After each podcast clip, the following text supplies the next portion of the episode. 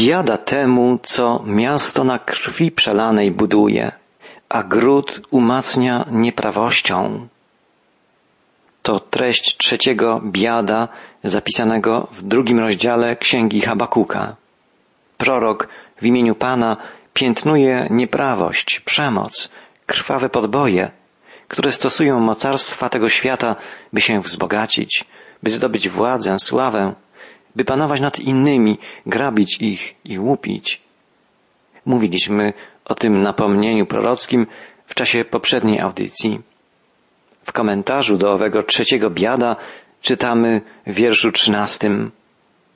Czyż nie jest to wolą Pana zastępów, że ludy dla ognia pracują i darmo się trudzą narody?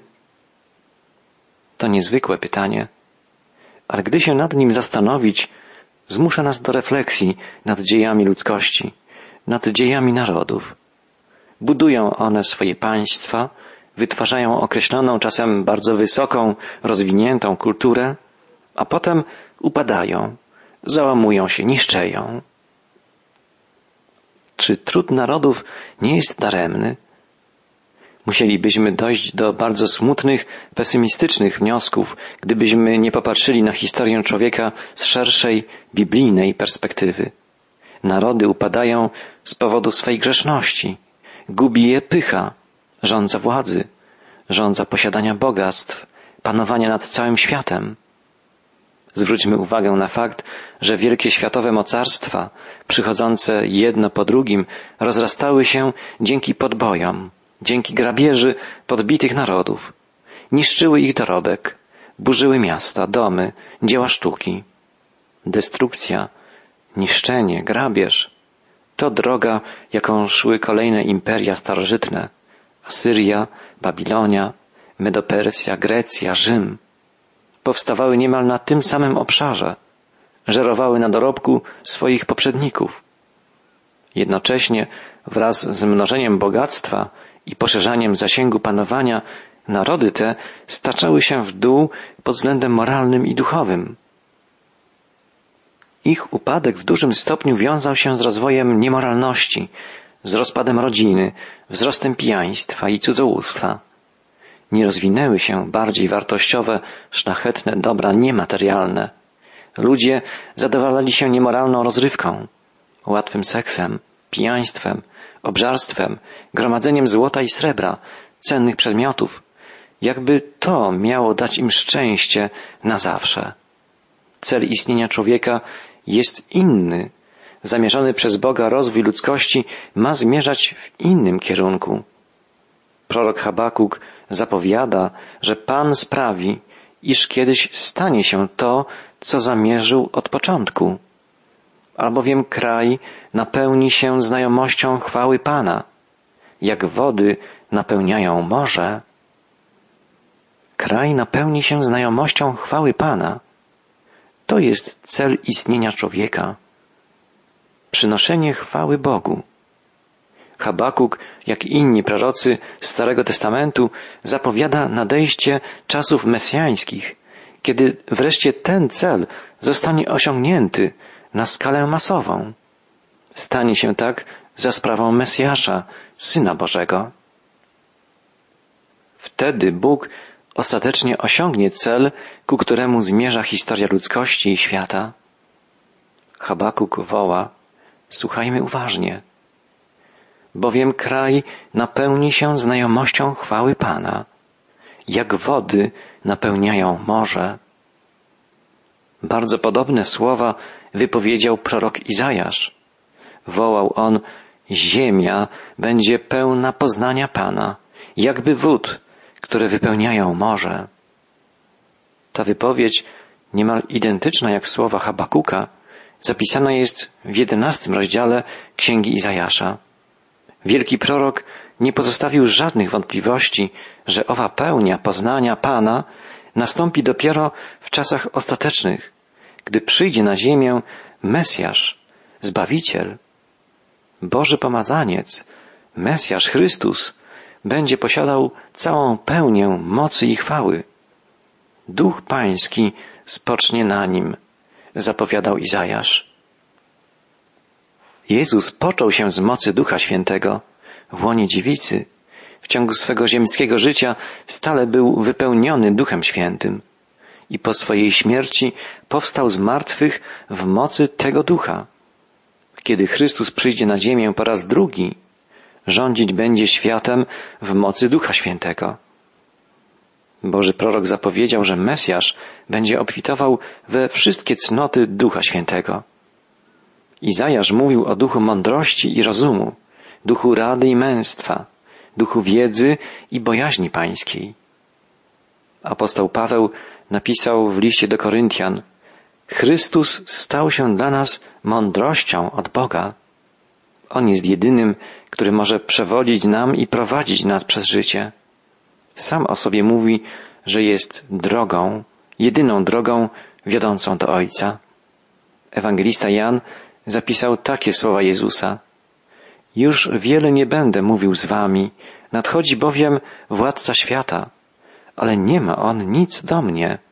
Świat musi poznać, że miłuję Ojca i że tak czynię, jak mi polecił Ojciec. Nieraz zapominamy, jak wielkie wpływy na świecie ma szatan. Potrzebujemy mądrości, by nie ulegać złu. Chrystus jest potężniejszy niż szatan i On może uchronić nas przed błędami. Może i pragnie udzielić nam ducha mądrości. Mesjasz udzieli też ludziom ducha rozumu, ducha zrozumienia. Chodzi przede wszystkim o duchowe rozeznanie. Jest to zastanawiające, z jaką łatwością ludzie słuchają głosicieli różnych dziwnych nauk. Jak wielu szuka odpowiedzi na swoje pytania u wróżek, jasnowidzów, w horoskopach. Zadziwiające jest, że tak wielu ludzi jest przesądnych, zabobonnych, że w kwestiach wiary ludzie opierają się bardziej na tradycjach, zwyczajach, obrzędach, zamiast szukać oparcia w prawdzie Bożego Słowa. Smutne jest to, że z powodu małej znajomości Pisma Świętego ludzie w sposób naiwny, bezkrytyczny przyjmują wymyślne teorie różnych religijnych samozwańców, oszustów, przywódców sekt, zamiast poznawać naukę samego Chrystusa i żyć w ścisłej więzi na co dzień z Nim, Zbawicielem i Panem. Prośmy Boga o ducha rozeznania. Czyńmy to w wytrwałej modlitwie. Studiujmy regularnie Jego Słowo, a wtedy On, żywy Pan, da nam właściwe zrozumienie najgłębszych prawd. Po trzecie, Mesjasz, Chrystus, będzie bogaty w ducha rady, będzie cudownym doradcą. Zwróćmy uwagę, że Jezus nigdy nie pytał nikogo o radę. On udzielał rad innym. Jest wszechmogącym, wszechwiedzącym Panem. Może i pragnie udzielić nam wszelkiej dobrej rady. Na Chrystusie spoczywa też duch męstwa, duch mocy. Jakże bardzo potrzebujemy mocy Chrystusa, żeby prowadzić zwycięskie życie. Apostoł Paweł z radością wyznawał, że cieszy się przede wszystkim z tego, iż może doświadczać obecności Jezusa i mocy Jego zmartwychwstania. Jesteśmy słabi, ale On jest mocny. Duch męstwa, mocy w Chrystusie jest źródłem naszej siły. Boży prorok mówi też o duchu wiedzy i bojaźni pańskiej. Prawdziwa wiedza i bojaźń pańska rodzą się przez studiowanie Słowa Bożego i przez życie według Bożych prawd. Jezus Chrystus żył Słowem Bożym, cytował je, modlił się nim, był ucieleśnionym Słowem Boga. Przyczyna, dla której Mesjasz przyjdzie na świat, jest ewidentna. Świat ten potrzebuje sprawiedliwego władcy. Chrystus rozsądzi wszystkich sprawiedliwie, rozprawi się z szatanem, nazwanym przez proroków gwałtownikiem. Uczyni to tchnieniem swoich warg, uśmierci bezbożnego. Cała moc szatana zostanie złamana. Dokona tego Jezus swoim słowem. Każdy z nas zostanie prześwietlony przez Chrystusa. Zdamy sprawę ze swego życia. Wyjdą na jaw wszystkie nasze niewłaściwe czyny, słowa, myśli, nawet te najbardziej skryte. Jezus dokona sprawiedliwej oceny naszego życia. Pomyślmy, jak wielkie to będzie przeżycie. Stanąć przed promieniejącym obliczem Chrystusa i zdawać sprawę ze wszystkiego, co uczyniliśmy, co powiedzieliśmy, pomyśleliśmy, ze świadomością, że przed Jezusem niczego nie można ukryć, niczego zatuszować, że wszystko przed Nim jest jawne. Jeszcze większym przeżyciem, tragicznym, przerażającym będzie sąd nad niewierzącymi. Podzielą oni los szatana, zostaną odrzuceni, odłączeni od Boga. Jezus powie im, idźcie precz, czyniący bezprawie. Rózgą swoich ust uderzy, tchnieniem swoich warg uśmierci bezbożnego. I będzie sprawiedliwość pasem jego bioder, a prawda rzemieniem jego lędźwi. Chrystus objawi się jako sprawiedliwy król. Zaprowadzi swoje prawe rządy na całej ziemi. Będzie to okres tysiącletniego królestwa. Mesjasz, przynosząc ludziom odpuszczenie grzechów, łaskę i świętość, przywróci pierwotną harmonię i pokój. I będzie wilk gościem jagnięcia, a lampart będzie leżał obok koźlęcia. Cielę i lwiątko i tuczne bydło będą razem, a mały chłopiec je poprowadzi. Krowa będzie się pasła z niedźwiedzicą, ich młode będą leżeć razem, a lew będzie karmił się słomą, jak wół. To obraz z proroctwa Izajasza. Oznacza to, że nie będzie wtedy żadnych antagonizmów, konfliktów. Królestwo tysiącletnie będzie królestwem sprawiedliwości, ładu, pokoju. Nie będą krzywdzić ani szkodzić na całej mojej świętej górze, bo ziemia będzie pełna poznania Pana, jakby wód, które wypełniają morze. Królestwo Mesjasza obejmie całą ziemię. Wszyscy poznają Chrystusa jako sprawiedliwego króla. Zwróćmy uwagę, jak zgodne są wypowiedzi Izajasza i Habakuka. Izajasz woła, ziemia będzie pełna poznania Pana, jakby wód, które wypełnią morze. A Habakuk woła tak, kraj napełni się znajomością chwały Pana, jak wody napełniają morze. Zgodne zapowiedzi proroków Izajasza i Habakuka kierują nasz wzrok ku czasom ostatecznym, eschatologicznym. Wtedy cała ziemia napełni się poznaniem chwały Pana. Będzie to chwała zwycięskiego Chrystusa, który przyjdzie powtórnie żeby objąć panowanie nad całym światem. Wypowiedź Habakuka wybiega daleko w przyszłość, ale prorok zapowiada też bliższe wydarzenia. I nie są one niestety optymistyczne. Habakuk po raz czwarty woła w imieniu Pana biada. Biada temu, co zmusza bliźniego do picia, pucharem swego jadu go upaja, by się przyglądać jego nagości. To bardzo poruszające słowa. Mogłyby być wypowiedziane także dzisiaj. Z pijanego ojca śmiał się już po potopie syn Noego Ham. Dzisiaj pijaństwo rodzi wiele problemów, nieszczęść, tragedii. Również w czasach proroka Habakuka był to wielki problem. Dlatego prorok woła biada temu, co zmusza bliźniego do picia, pucharem swego jadu go upaja, by się przyglądać jego nagości. Pijaństwo nieodmiennie niszczy życie rodzinne, życie całych społeczeństw, degeneruje, rujnuje całe narody.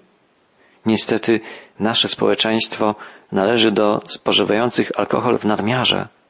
Zajmujemy w tym względzie niechlubne czołowe miejsca w światowych statystykach. Uzależnienie od alkoholu to okropna choroba. Choroba, która niszczy życie nie tylko alkoholika, ale całej jego rodziny. Wydaje się, że ciągle za mało o tym mówimy i za mało robimy, by zapobiegać alkoholizmowi. Jako uczniowie Chrystusa powinniśmy robić wszystko, żeby przeciwdziałać tradycji picia przy każdej okazji urodzin, imienin, egzaminów, świąt, dni wolnych od pracy. Niestety, nawet w pracy wielu naszych rodaków sięga po wódkę czy piwo.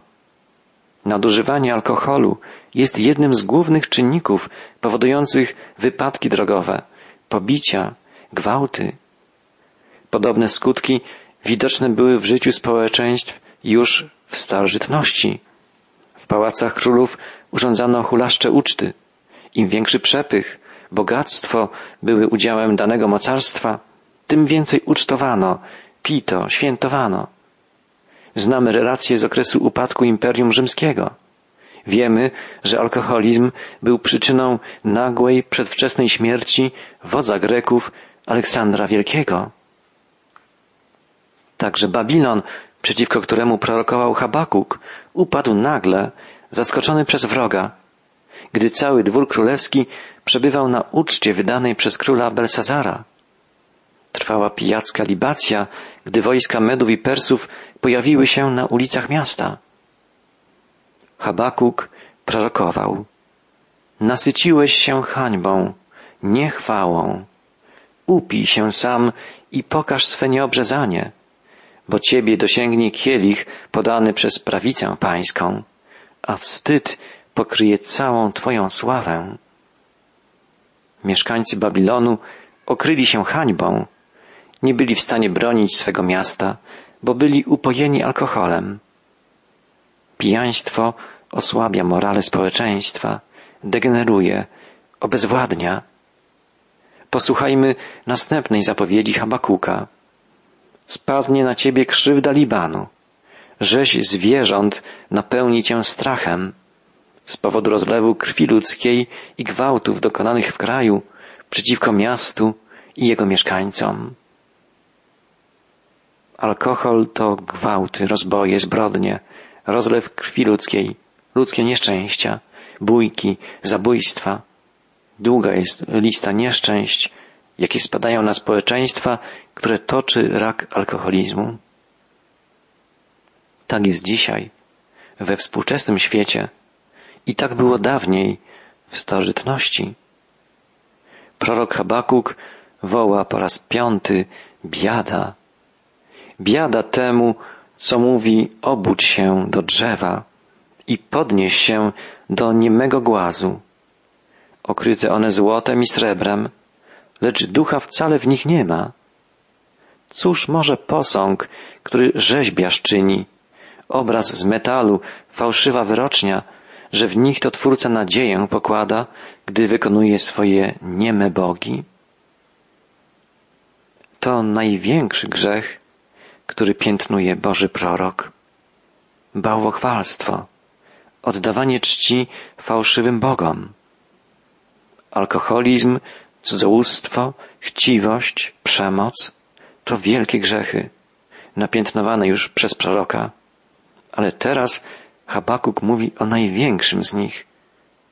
Odwrócenie się od Boga, stworzenie sobie fałszywej religii, oddawanie czci wymyślonym bóstwom, zamiast prawdziwemu, żywemu Bogu. To największy grzech, za którym idą następne moralny upadek, duchowa degradacja, pogrążenie się w egzystencjalnej mizerii. Tragedią jest to, gdy człowiek polega na rzeczach, które nie mogą mu dać szczęścia, spełnienia, odpowiedzi na najważniejsze pytania. Bo cóż może pomóc człowiekowi posąg, obraz, fałszywa wyrocznia? Biada temu, ostrzega prorok, kto pyta o przyszłość kawałek drewna czy metalu, pokrytego złotem i srebrem.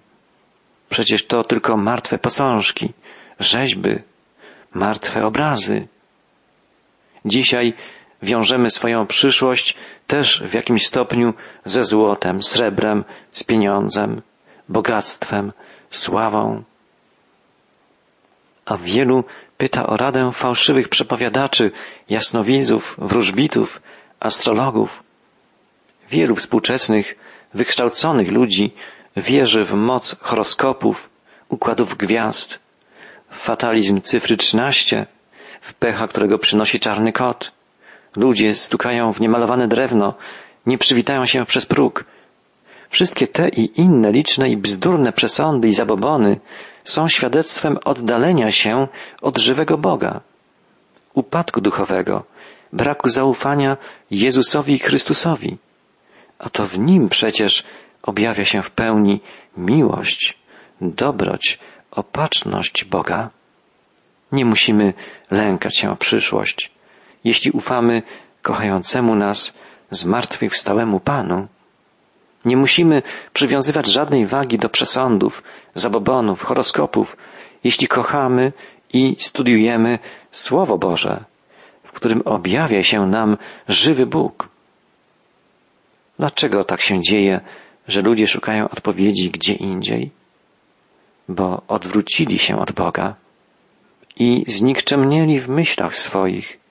Ich nieposłuszne, nierozumne serce pogrążyło się w ciemności. Tak pisze apostoł w liście do Rzymian. Psalmista pyta, czemuż to burzą się narody, a ludy myślą o próżnych rzeczach? Podobne pytanie stawia prorok Habakuk. Dlaczego ludzie zwracają się ku posągom, obrazom? Dlaczego pytają fałszywych wyroczni? Dlaczego swoje bezpieczeństwo wiążą ze złotem i srebrem? Bo nie znają Boga, nie znają prawdziwego, żywego Boga. Dzisiaj narody zapomniały o Bogu, oddaliły się od Niego, nie wierzą Mu, nie ufają, bo nie znają Go. I to jest największym najbardziej tragicznym grzechem prowadzącym do upadku, do zagłady. Tak było za dni Habakuka w starożytności. Tak jest dzisiaj, w XXI wieku ery nowożytnej. Czy jest ratunek? Wyjście z tej sytuacji? Tak. Posłuchajmy Bożego proroka.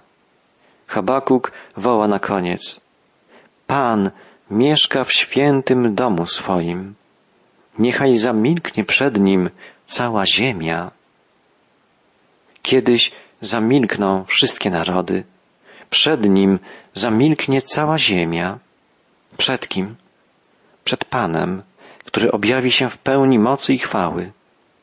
Milczenie nastanie także w niebie.